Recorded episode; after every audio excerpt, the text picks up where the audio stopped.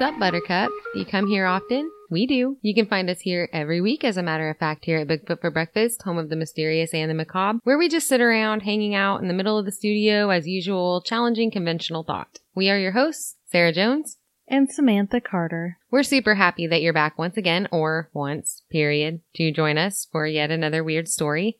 This week we've got one that we've been dying to talk about, and we've had a few requests for this one, so hopefully we can please a few listeners by sinking our teeth into the subject this week. But before we go there, we must go here. Don't forget to press the subscribe button on whichever podcast platform you happen to be listening from, and please rate and review the show as well. It's really super important and it helps us out a whole bunch. If you're interested in another way to help out the show, I have a really easy one for you. Just tell people about us. If you can, think of anyone who might like to listen, let them know that we're here and send them our way. We would really, really appreciate it. And we're going to give you a great opportunity and reason to do just that. It's been a hot minute since we've done any contests, so we're going to recommend us on Twitter, Instagram, or Facebook, and we'll enter your name into a drawing for a fancy schmancy Bigfoot for breakfast tumbler with glitter.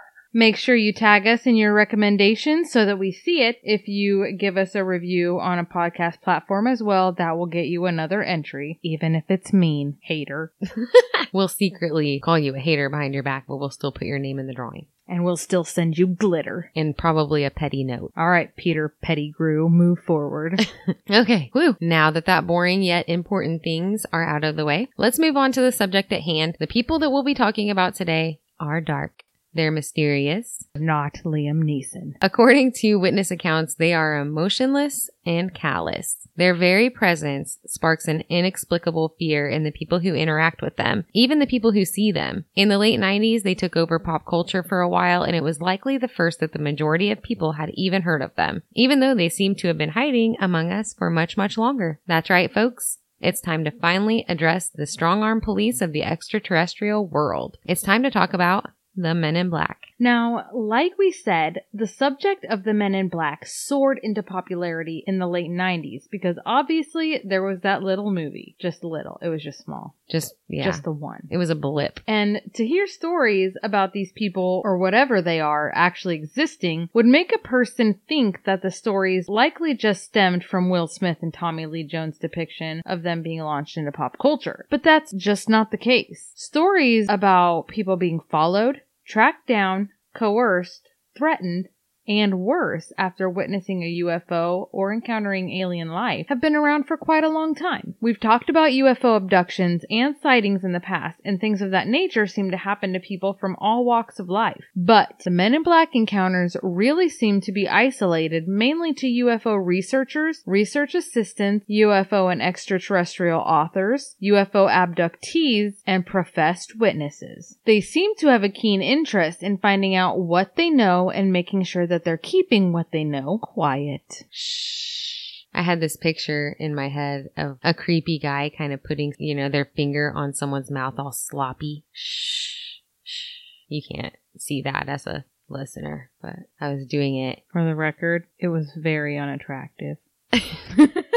Maybe. Maybe it was. No, it was beautiful. It was gorgeous. It wasn't beautiful. You know it. Interactions with the so-called men in black have been reported all over the world after an experience with UFOs or extraterrestrials, and the reporters most often report feeling threatened, receiving messages from the men via telepathy, and that the men seem to know much, much more about them than they ought to. telepathically. They seem to exhibit a sort of omniscient air that's often very strange and intimidating.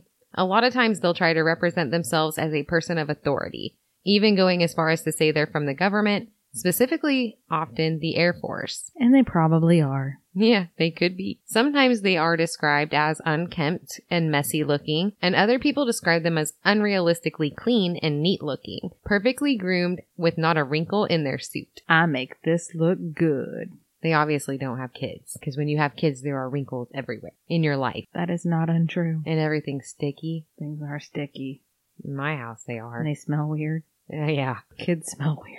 You're just not sure if you want to sniff anything. Ugh. I try to make it a general rule not to just sniff things. Sometimes I accidentally do, unwittingly. And then I'm like, I shouldn't have. I learned my lesson about sniffing things without thinking about it during a search warrant. Oh, that time when they were Searching looking for cocaine house. and you were like, is this cocaine? And you went to go smell it to see. It wasn't cocaine, it was meth. But Oh, yeah, well, that's. I sniffed the white powder to find out what it was. Does it smell like meth? Didn't someone smack you in the back of the head? Yes. Rookie. That's the greatest story Please ever. tell me that that didn't just happen. I'm like, well, it did. Yep, but it wasn't meth, in fact, and I didn't have to go home. That's I good. was fine. Things were fine. oh my gosh, it's fine. We're fine. That's still one of my favorite stories ever.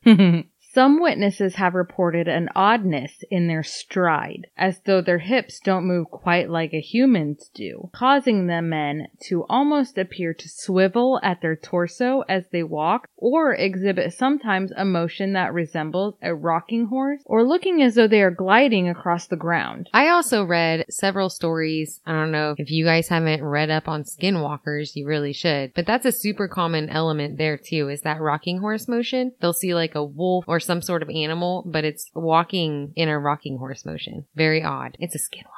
Navajo legends and such. We'll do an episode on that too. You just call me a hoe? I mean, no. Okay. Moving on. So this is something that was reported similarly in our Black Eyed Children episode. Other things that are reported from Men in Black encounters that is also similar to Black Eyed Children is the way they speak. Their speech is very direct and distinct. They speak eloquently almost to the point that it isn't normal and often misuse common words or phrases. Like us. When in Rome.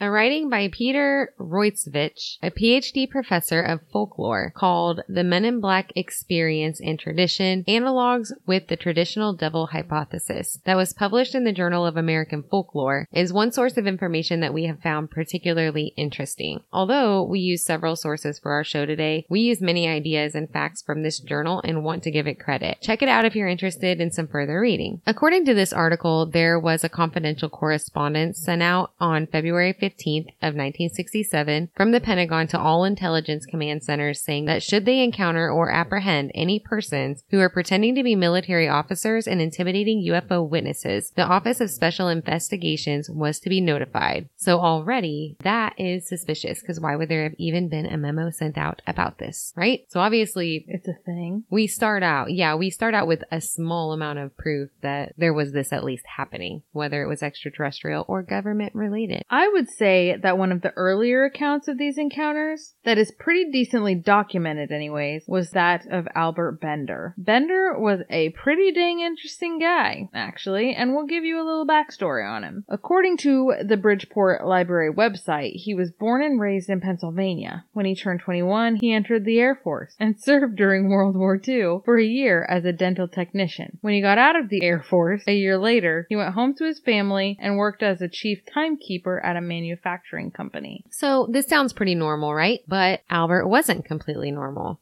He was kind of an eccentric fellow, and we love that. He had a small living area in the attic of his stepfather's home, and he kept about 20 clocks in it. The clocks were all chiming clocks, and the area would be blessed with different types of chiming about every 15 minutes, ringing out from Bender's apartment. How could you do that? I know that's horrible. He was really into the supernatural, ghost stories, and witchcraft. And this wasn't totally abnormal for him because the World War II time period really saw a rise in interest of these types of things. Luckily for him, the 40s was a time in which stories of UFO sightings really started gaining in popularity and momentum. Of course, he was really into this as well. Of course, we know that UFO sightings had been going on for a very long time before the 40s, but magazines and newspaper publications were really taking off at this time, so the stories were spreading more readily and were more accessible to a wider variety and bigger number of interested people. People like Albert Bender. He got so into this that he started a group called the International Flying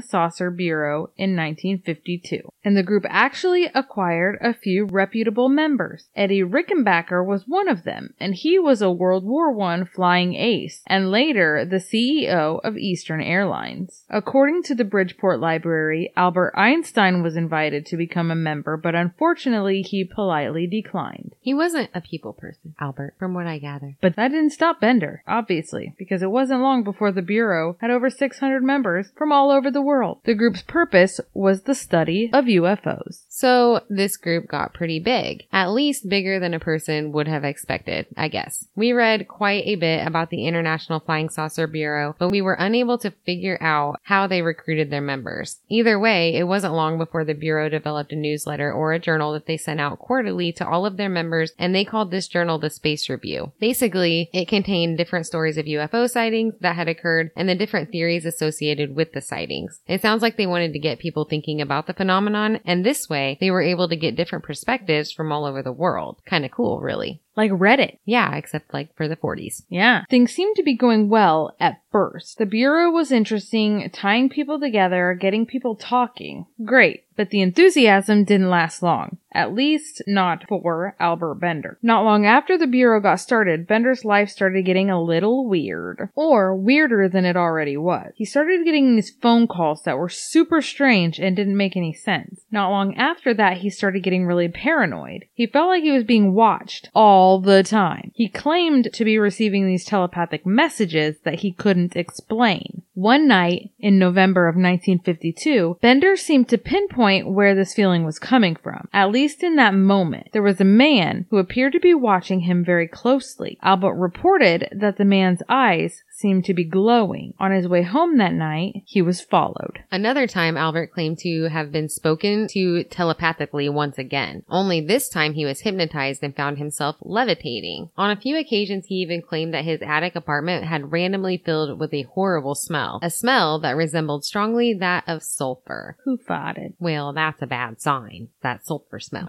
Demons. That's a theory with this Men in Black situation. A lot of people think that it's more of a demon situation than an alien situation. I'm not sure I agree. But we're going to get into that in part two. Have we, have we discussed the fact that there's going to be a part two? No. By the way, there's going to be a part two. Surprise! and we're going to talk about that as well. In 1953, Bender had an idea. He was receiving these telepathic messages, so he could only assume that this was the way that the extraterrestrials communicated with one another and with humanity. this is the way. Do you know the way? No. If you do not know the way, you must pay with your life. How do you not know the way? I don't know the way. anyway. you can go your own way. Go your own way. I don't even care. In this quarterly newsletter, Bender sent out a request. He asked his fellow members of the International Flying Saucer Bureau to memorize a small paragraph that was written in the journal and set aside a moment at 6 o'clock p.m. Eastern Standard Time on March 15th, 1953, to stop what they're doing and all say the words that they had memorized silently in their heads in unison. The phrase read, quote, calling occupants of interplanetary craft, calling occupants of interplanetary craft that have been observing our planet Earth. We of IFSB wish to make contact with you. We are, your, friends. End quote. So they're all supposed to stop what they're doing, these guys from all over the world at this exact same time of day, and just silently say this quote in their heads. And this is why. The idea of this was simple, but kind of smart. They were trying to use their simultaneous ri- re- re- recita- recitation Spit it out. recitation of the words along with concentration on a goal to get the message to extraterrestrials. March 15th, 1953, 6 o'clock p.m. Eastern Standard Time came and went. And I'm sure that many of the members cooperated with Bender's request and did this. We can only assume so anyway, because from that time, Bender's life only became increasingly more complicated. The sulfur smell in his apartment just kept getting worse, and he was now reporting a yellow mist appearing in his apartment that was unexplainable. He was receiving telepathic messages that seemed to be more threatening, telling him basically to keep his nose out of extraterrestrial business. And they don't have noses. No, but he does, and he needs to back up with it, is what they're saying. We don't know that. They That's- don't have a nose. That's not a fact. That's inadequate. Making things up. Your faces are inadequate without your nose. He didn't seem to heed this advice, however, and went on to announce that the next journal to come would hold a startling revelation. Ooh, ooh. In July of 1953, Bender received some unexpected visitors. Bender is reported as stating, quote, all of them were dressed in black clothes. They looked like clergymen, but they wore hats similar to the Homburg style, end quote. The men reportedly did not speak to Bender, but once again, communicated with him telepathically. They wanted him to quit writing about the UFOs in his publication that went out to his members. They took copies of the Space Review journal and when they left, there was a mysterious yellow fog in the air, just like the one he had reported before, and once again the smell of sulfur was present in the room. So his startling revelation was not going to happen. Now, this stressed Bender out pretty bad. He didn't eat for a few days and he was really scared. He didn't know what to do. These men and all of these occurrences in his life were enough to make a person nervous, but he had all of these members of the Bureau counting on him to lead them in furthering their agenda and learn more about the UFO phenomenon. There were some high hopes that they would be able to make contact with these beings that had been seen all over the world. Bender was feeling super stressed out over all of this. He wasn't eating and he was reportedly telling people that he was scared to death as the mysterious people kept visiting him periodically. The word about what Bender was up to with his investigating and the resulting trouble it was causing him spread around town, and pretty soon a few articles were written about it in the local newspapers. We are guessing that this additional publicity probably didn't help. Fake news. According to the Bridgeport Library website, Bender is quoted in these articles describing the men to have been wearing dark suits, flashing credentials that made them appear authoritative. At first, the reporter thought that he meant that these men were from the United States government, but Bender disputed this years later, saying that the men he encountered were not of this earth. We all know that everyone in the government is a reptilian, so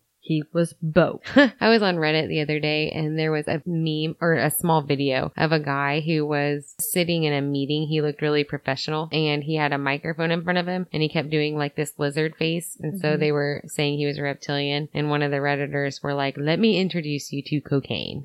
it was so funny. I was dying. That is funny. I love cocaine. I'm a golden god. I dig music. I'm on drugs.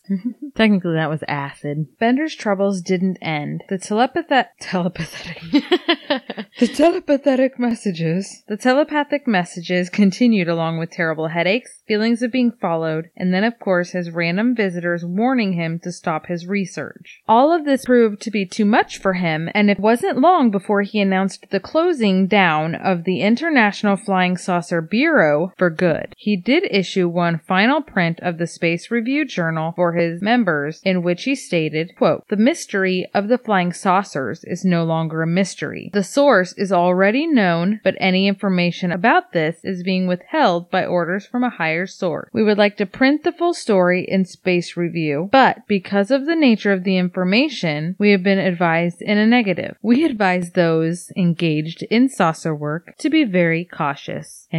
Another former member of the Bureau, Gray Barker, later went on to write a book called They Knew Too Much About Flying Saucers. He had served as the vice president of the Bureau and he knew Albert Bender personally. This seems to have been where the term Men in Black first came into play. Albert Bender ended up leaving Bridgeport and moving to California, passing away in 2016 at the age of 94. Oh, we just missed him. Almost all of the information that we obtained regarding this incident came from the website of the Bridgeport Library and History Center in articles written by Michael Bielawa, as this seemed to be the most detailed and researched account that we could find. In the article, Bielawa presents some good questions that had actually been on my mind as well. First, he asks, could events be explained by Albert Bender's mental state? It is speculated, and fairly we think, that maybe Albert Bender already had some mental health issues prior to even starting the Bureau. He had already been really obsessed with the paranormal and other unexplainable things before becoming interested in the flying saucer phenomenon. Had his paranoia and the telepathic messages he claimed to have been receiving just been a symptom of an underlying mental health problem, like schizophrenia, that was just progressing as time went on? I think that's a fair possibility. I guess we would be more likely to believe this had Albert Bender's experience been isolated. Had there not been more experiences from other people and actual evidence of the existence of the men in black in the many years following. Most of the other people who encounter them having reported almost the exact same things. People from all over the world, from all walks of life, who are unconnected to one another, many with no history of having reported or been interested in things like this previously and no progression of mental health problems afterward. I think that since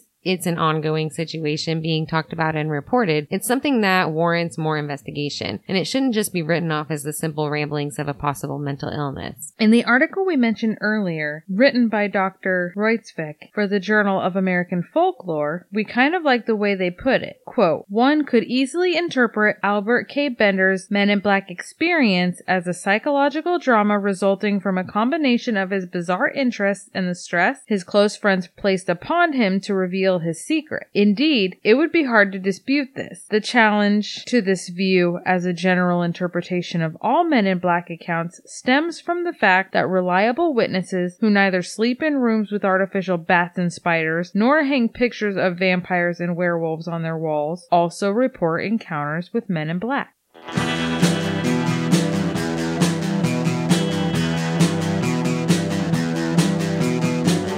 You're listening to the Prescribed Films Podcast Network, home to hundreds of hours of free podcast entertainment. The shows on this network all have a common goal providing you with the best discussions about movies and other forms of entertainment media. The PFPN hopes to fill your earholes with audio joy. Visit our website with links to all the other amazing shows at www.thepfpn.com. Thanks for listening.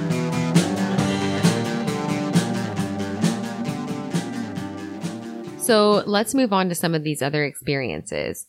We started the show with the story of Albert Bender because the founding of the International Flying Saucer Bureau was pretty interesting as it all seemed to be the first organized group of people trying to figure out what was going on with all of these claims and even going so far as to try to communicate back with extraterrestrials. Telepathically. But there was another cool story that we found from even a few years before that. According to an article on History.com on June 27th of 1947, a man named Harold Dahl was out on his boat with his son Charles and his dog in the Puget Sound doing a conservation mission. According to documents from the FBI vault, from which much of this information was obtained due to the large amount of subsequent interviews performed by the FBI, the men were looking for and clearing away loose logs that had been broken away from booms. They were sitting in the water near Maury Island, just off the eastern shore of Washington. All was quiet, but pretty soon Charles noticed something weird in the sky. He saw what has been described as six donut shaped aircraft hovering in the air directly above his boat. He described the crafts as being 100 feet in diameter and circular in shape with a hole in the middle through which he was able to see the sky. On the outside wall of the craft, in the whole part of the ship, he was able to see that there were portholes. The craft were hanging out only about a half a mile above them. Out of nowhere, one of the craft dropped nearly to earth, almost 1500 feet, and it appeared to be having trouble. One of the other aircraft came down and hovered next to the troubled one, and according to Dahl, it seemed to be communicating with it before returning to its original position in the sky. Damn it, Moon Moon. Then suddenly, debris was flying at the men in the boat, pieces of metal. The boat was damaged terribly as debris fell into the wheelhouse and also broke the spotlight. Charles jumped off the boat, running to shore to hide underneath some logs,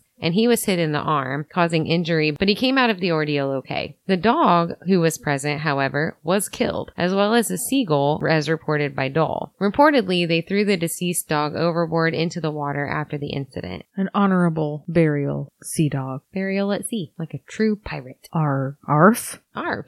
Arg. Arg? Being on a conservation mission, Harold Dahl happened to have a camera with him. How often does that happen? He had enough time to snap a few photos of the flying objects before they were gone. After having them developed, because digital photos weren't even close to a thing back then, he took them straight to his supervisor at work. This guy's name was Fred Crisman, and after seeing the photos, he felt like he still wasn't quite sure he believed the story, so he went on his own out to the site of the incident. According to FBI files, as he was also interviewed, he told the FBI that the damage to the boat was indeed present and pretty bad, and that there was a significant amount of strange rock and metal on the shore where Mr. Dahl said that this incident had taken place. Not only that, but while he was out there checking things out, I'll be damned if he didn't see a weird craft as well. He described the single aircraft that he saw to be just like what was described by Dahl. But our story doesn't end there because this isn't about UFO incidents. Harold Dahl ended up with a visitor the very next morning after the encounter. A man in a black suit went with Dahl to a diner in the area as they visited. The strange man was able to describe to Dahl the incident, which is weird because this man wasn't even present. This freaked out Dahl and he took it as proof that this strange man knew more about what was going on with these craft than Dahl would have expected him to. The strange dark man told Dahl that he needed to be quiet about what happened, telling him that bad things would happen if he continued to talk about it. But Harold Dahl and Fred Crisman didn't seem to care about that. They tried to speak with a magazine in Chicago trying to get them to print the story, even going so far as to send him fragments of the debris from the ship that they had gathered from the shore. Not long after Harold Dahl's UFO sighting on the lake, there was another one in the same area. A pilot named Kenneth Arnold had reportedly seen a UFO while flying near Mount Rainier. Now, this story was widely publicized and caused quite a stir as Kenneth Arnold was a highly credible guy. So the story seemed like it would be true, where Harold Dahl was not well known at all and likely difficult to vet. The magazine in Chicago had heard of Kenneth Arnold's story and that he was credible, so they reached out to him to see if they could verify Dahl's story at all through him. Arnold spoke to the editor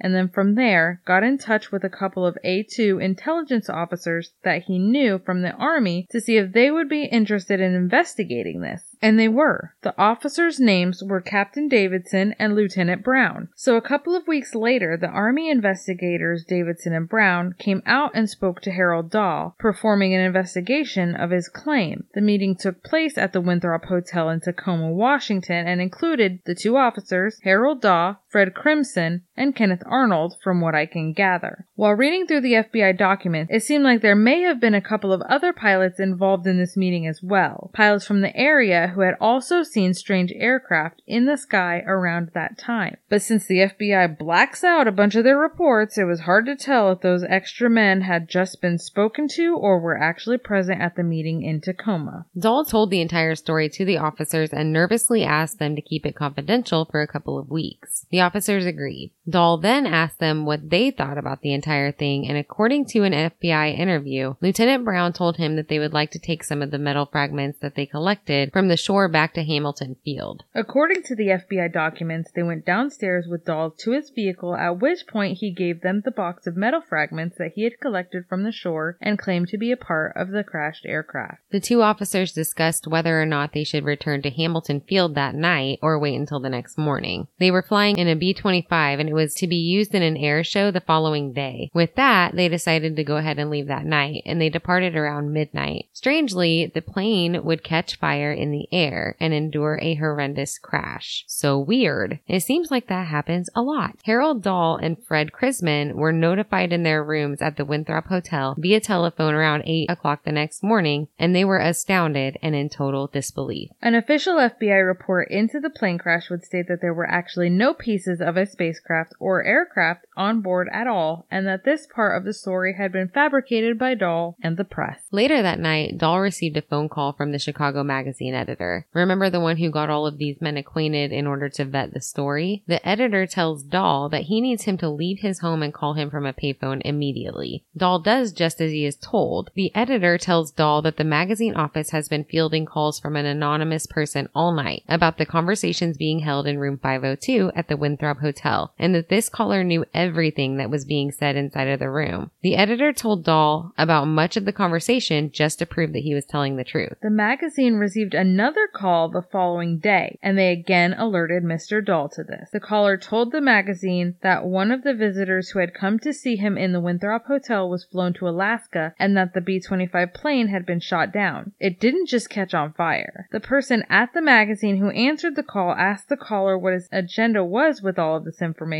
to which the caller replied, quote, Don't think I'm doing it for the newspapers. All I'm interested in is seeing that this information gets back to New Jersey. Whatever that means. Deep throat. Yeah. FBI documents speculate that Dahl and Crisman made the calls themselves in order to make the story seem more mysterious and credible so that they could sell it. The men denied making the calls. The magazine editor from Chicago, whose name was Ray Palmer, did seem to find the Harold Dahl story interesting enough because he did go on to write a series of articles about it. Both Dahl and his boss, Fred Crisman, would go on later to tell people that it was all a hoax. The government investigation into the UFO incident labeled it a hoax as well after Dahl told them that they made the whole thing up. But what about the injured boy and the dead dog? This is just my speculation here, but if two men were going to get together and make up a weird story, wouldn't they have just put themselves together? Why would they both be willing to collaborate in a lie for no reason and make up the story of the photos that he showed to his boss and then have his boss making another trip in the story? I have a weird feeling that they only went back and said it was a hoax after the government started asking questions and they had been threatened. But what do I know? People call me crazy all the time. And I have to say for the record, I also read that they recanted. They said that it was true and that they were intimidated into saying it was a hoax. So they recanted their recant? They recanted their recant. So did they recant? Yeah, they recant.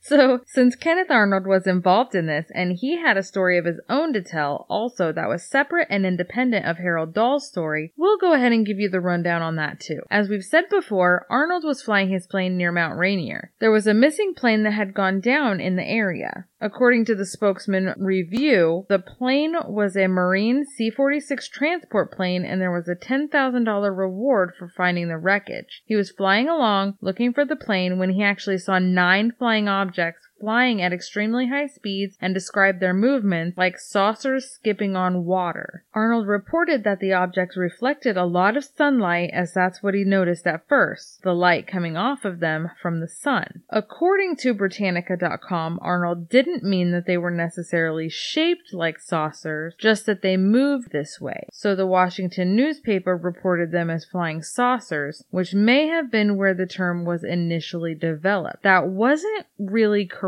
Supposedly, Arnold did report this sighting when he got back to the base and he didn't seem to be alarmed about it, as he thought that it was likely just something experimental that the military was doing. The military, however, did seem very confused by this. If it had been something experimental, they would have known about it, but they didn't. What was out there flying around? Arnold had reported to them that the planes or crafts he had seen had been flying around 1200 miles per hour, which is way faster than the speed of sound. There's only one other thing at this time that could have been going that fast, and it was the V2 rocket. And they didn't have any of those. Harold promptly went out and spent $150 on a brand new camera with a way bigger lens in case this ever happened again. His photo came under scrutiny, obviously. He didn't have a zoom lens, so in the end, the flying objects were a little far away and appeared basically as little dots in the photo. Many who didn't believe Arnold said that it was simply just dust on his lens. He didn't want to be called a liar again, and a $150 camera at that time was a pretty pricey one. So, back to the men in black. Another seemingly credible encounter was that of Dr. Herbert Hopkins in Maine. He was collaborating with a man named David Stevens who had encountered a UFO and had agreed to do a hypnotic regression on him as he did not remember what had happened. I'm not sure how long after this job, but at some point he received a phone call at his home. The person on the other end told him that they were a UFO activist and they would like to speak with him regarding his hypnosis session. Hopkins agreed to this meeting and he hung up the phone. Now remember, this is well before cell phones were a thing and there was no payphone in the immediate area. Yet, Seconds after hanging up the phone, he looked out his front door window to see a man walking up his front step. He thought this was kind of weird that the men would show up so incredibly quickly, but he opened the door for him and invited him to come in and have a seat. Weird. Mm-hmm. This man was later described as wearing a black suit and tie and having no hair on his entire face, no eyebrows,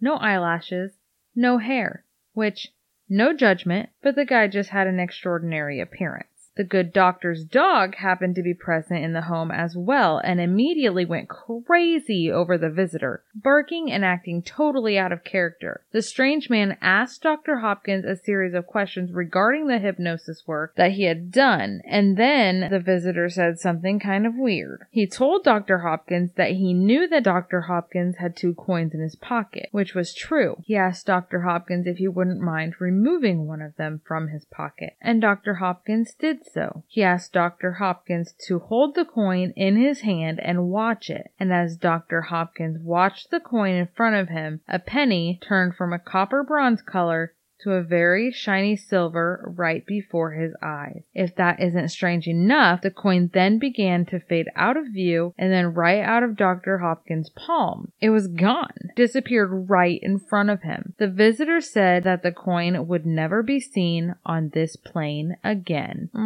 Okay. Okay. The visitor's questions weren't finished, though. He asked the doctor if he knew anything about Betty or Barney Hill. Oh shit. if you aren't familiar with Betty and Barney Hill, you totally should be. Please refer to our episode called I'm Not Saying It Was Aliens. hmm We did an entire episode on them a while back, and it was pretty fascinating business. You should at least look it up. Anyway, Dr. Hopkins told the visitor that he had heard of them, but he had never met them. He told the visitor that he thought Barney had recently died. The visitor told Dr. Hopkins that this was true. Barney had recently died because Barney no longer had a heart, just like the doctor no longer had a coin. The visitor then told the doctor that he should probably destroy any documentation regarding his hypnosis work and the UFO abductee, and Hopkins promptly complied. I think I would also. I concur. Actually, I would probably get killed because I would just hide it and pretend that I destroyed it. I'd put it in a time capsule. I'd get my Sharpie and draw my brows so fast. Yeah. Angry brows.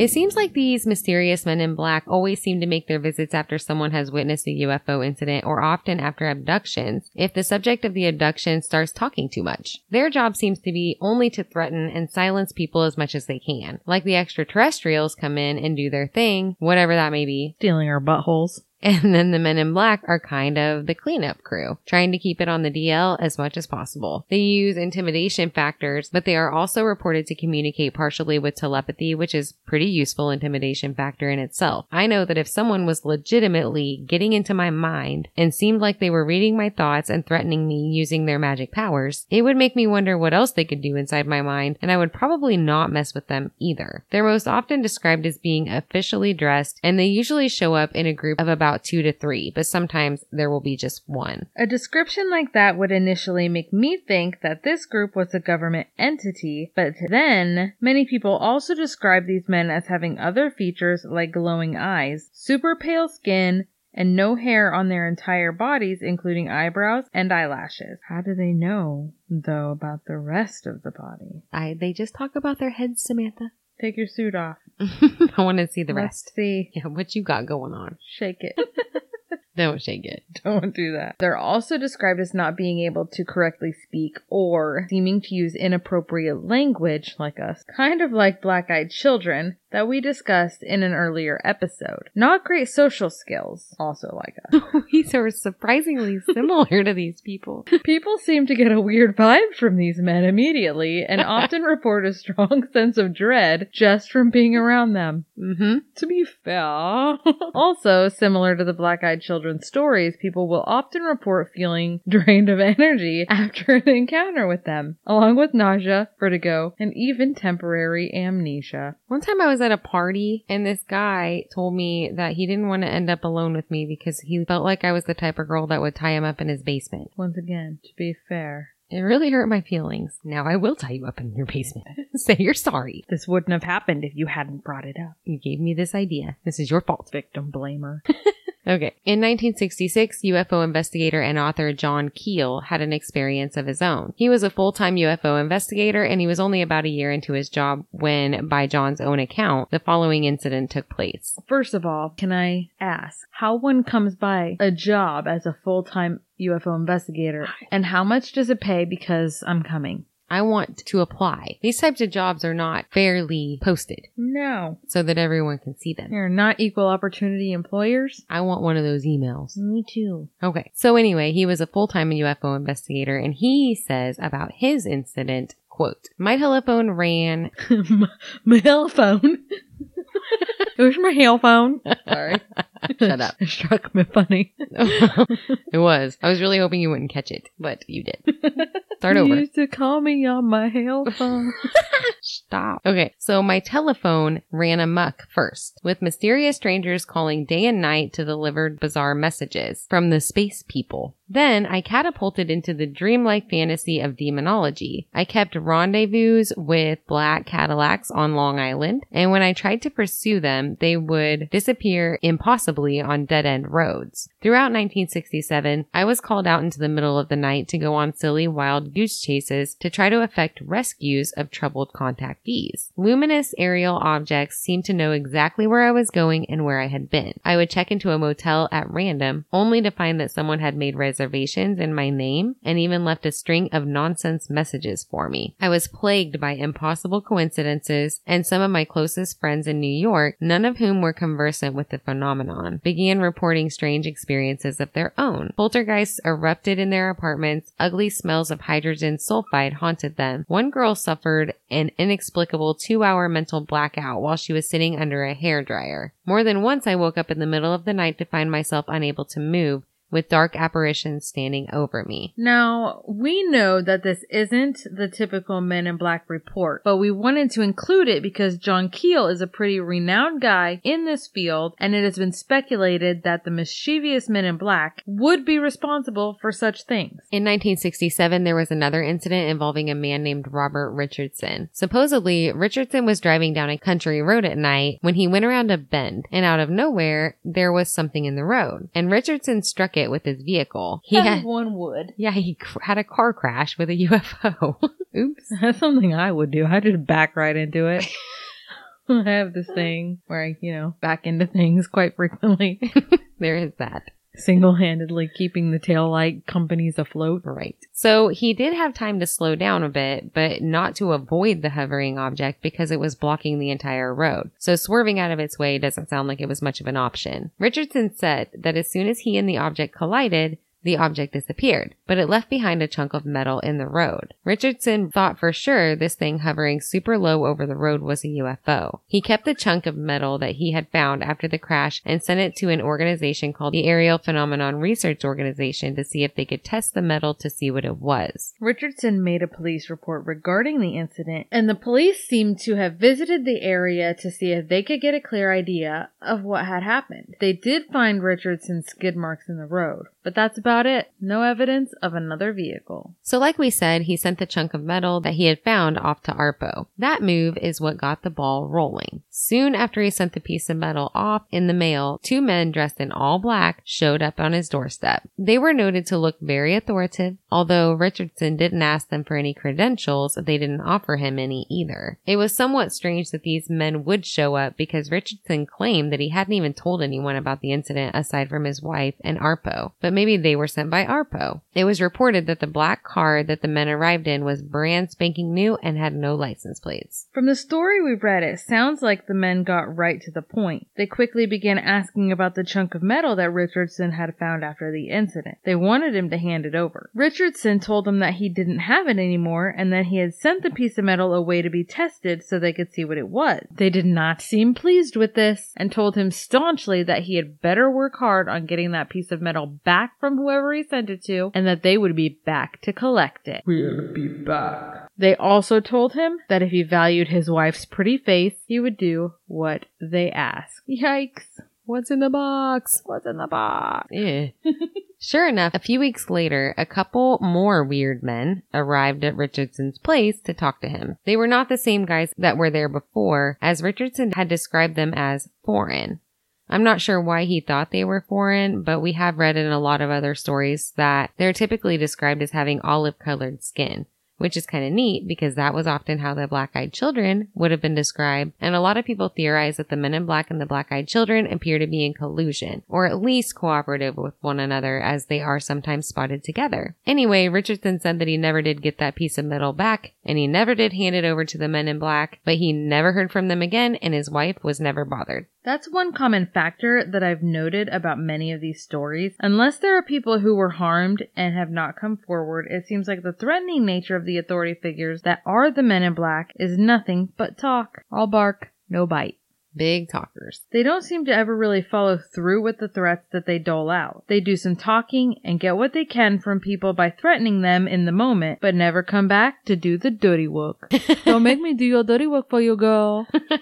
In 1968, a UFO researcher named Jack Robinson got a little visit from the men in black as well. They spent the better part of three days harassing Robinson and his wife. They would stand across the street staring at their home when the couple would leave for the day. They would return and notice that their things had been gone through, even their trash. A neighbor even took a photo of one of the men standing by a storefront, seeming to stare across the street. This photo can easily be viewed online. So he just stood across the street and mean mugged them mostly. A pretty recent encounter, and one that I find pretty interesting, given the fact that there is security footage of the strange men in question, is that of Shane Sovar. This one happened in 2008. Sovar was the manager of a Niagara Falls hotel, and one night he and one of the hotel's security guards witnessed a UFO. A couple of weeks after the UFO sighting, hotel staff were alarmed by a couple of super weird guys who came into the hotel lobby asking to speak with Sovar and the other hotel staff member who saw the UFO. When Sovar returned to work, he was immediately told about the visitors who had been there looking for him. This definitely piqued his interest because he went to the security room of the hotel and looked back through the camera footage to see if he recognized them. The men were seen to be wearing black suits and hats, and sure enough, there is video of them coming into the lobby. So at least this story can be backed up somewhat with that. Granted, and within reason, people have obviously speculated that these two men could have been anyone, which is true, but it's still interesting just in case it's not anyone and it's a secret extraterrestrial organization designed to keep the human race under a rock about extraterrestrial activities on our planet, but I digress. The hotel staff who did speak with the men reported to have had no hair on their heads at all, no eyebrows, no eyelashes, nothing. They were weird looking. Remember the article that we mentioned earlier? The one that was written for the Journal of American Folklore? Folklore. Damn it, Mick. One of the most interesting takes on this whole phenomenon, in our opinion anyway, was that of author Peter Rojcewicz. Peter had a PhD and was a professor of folklore. He was sitting in the university library in November of 1980 on a particularly rainy day late in the afternoon and had been flipping through a book that was recommended to him by one of his colleagues.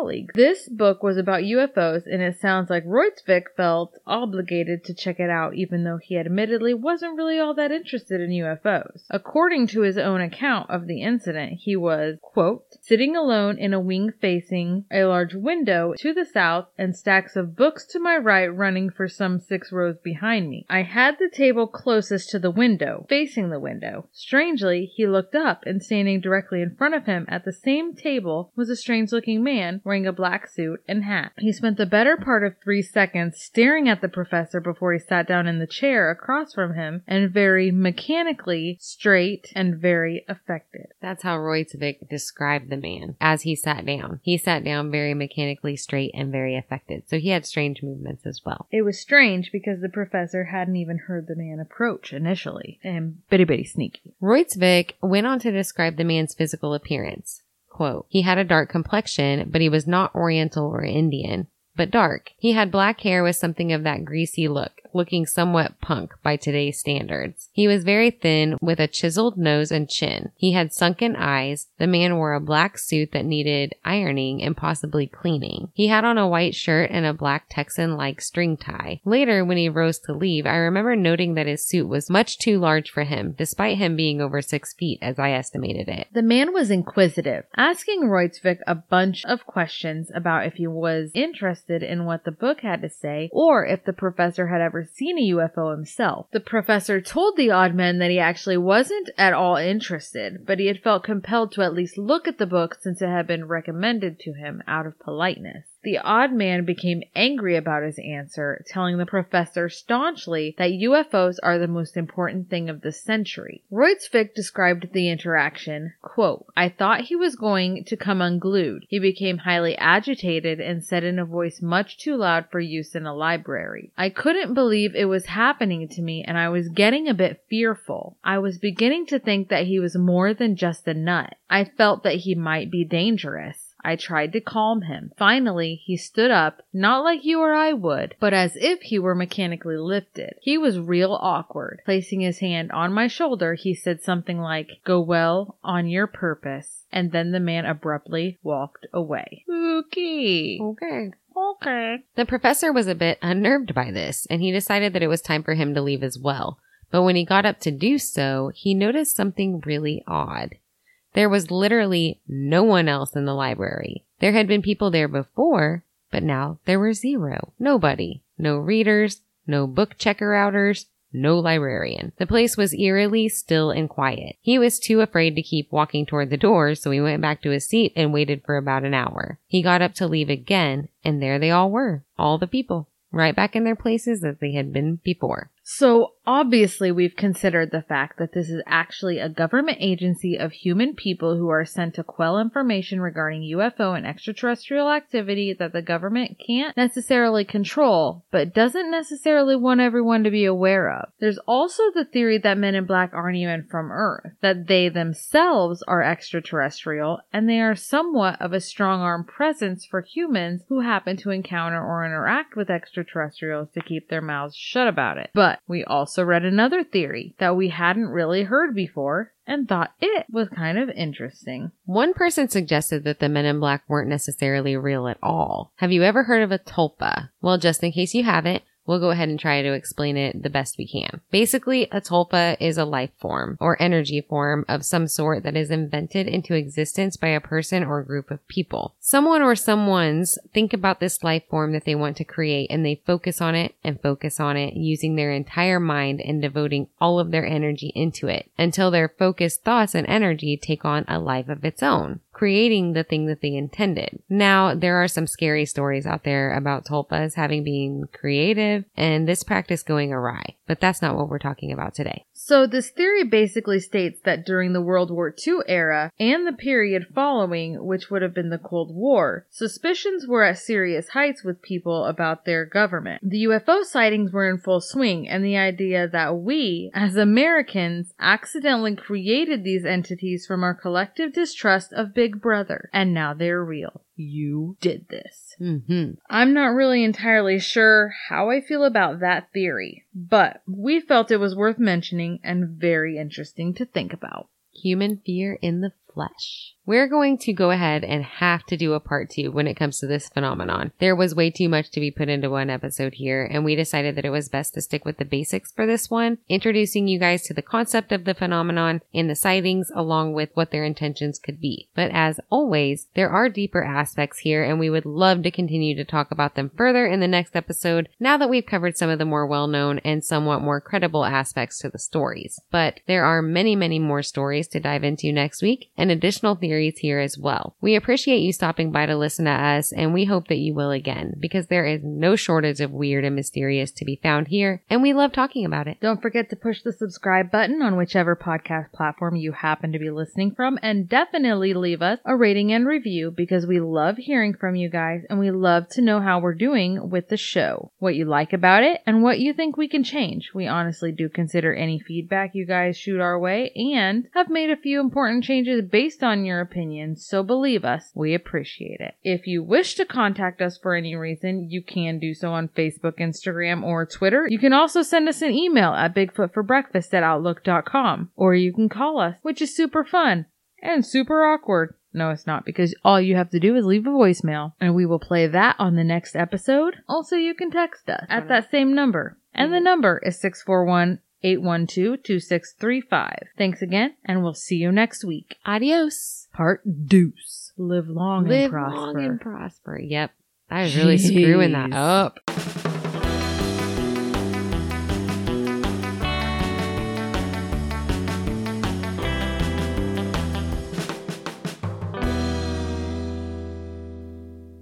Come at me, bro.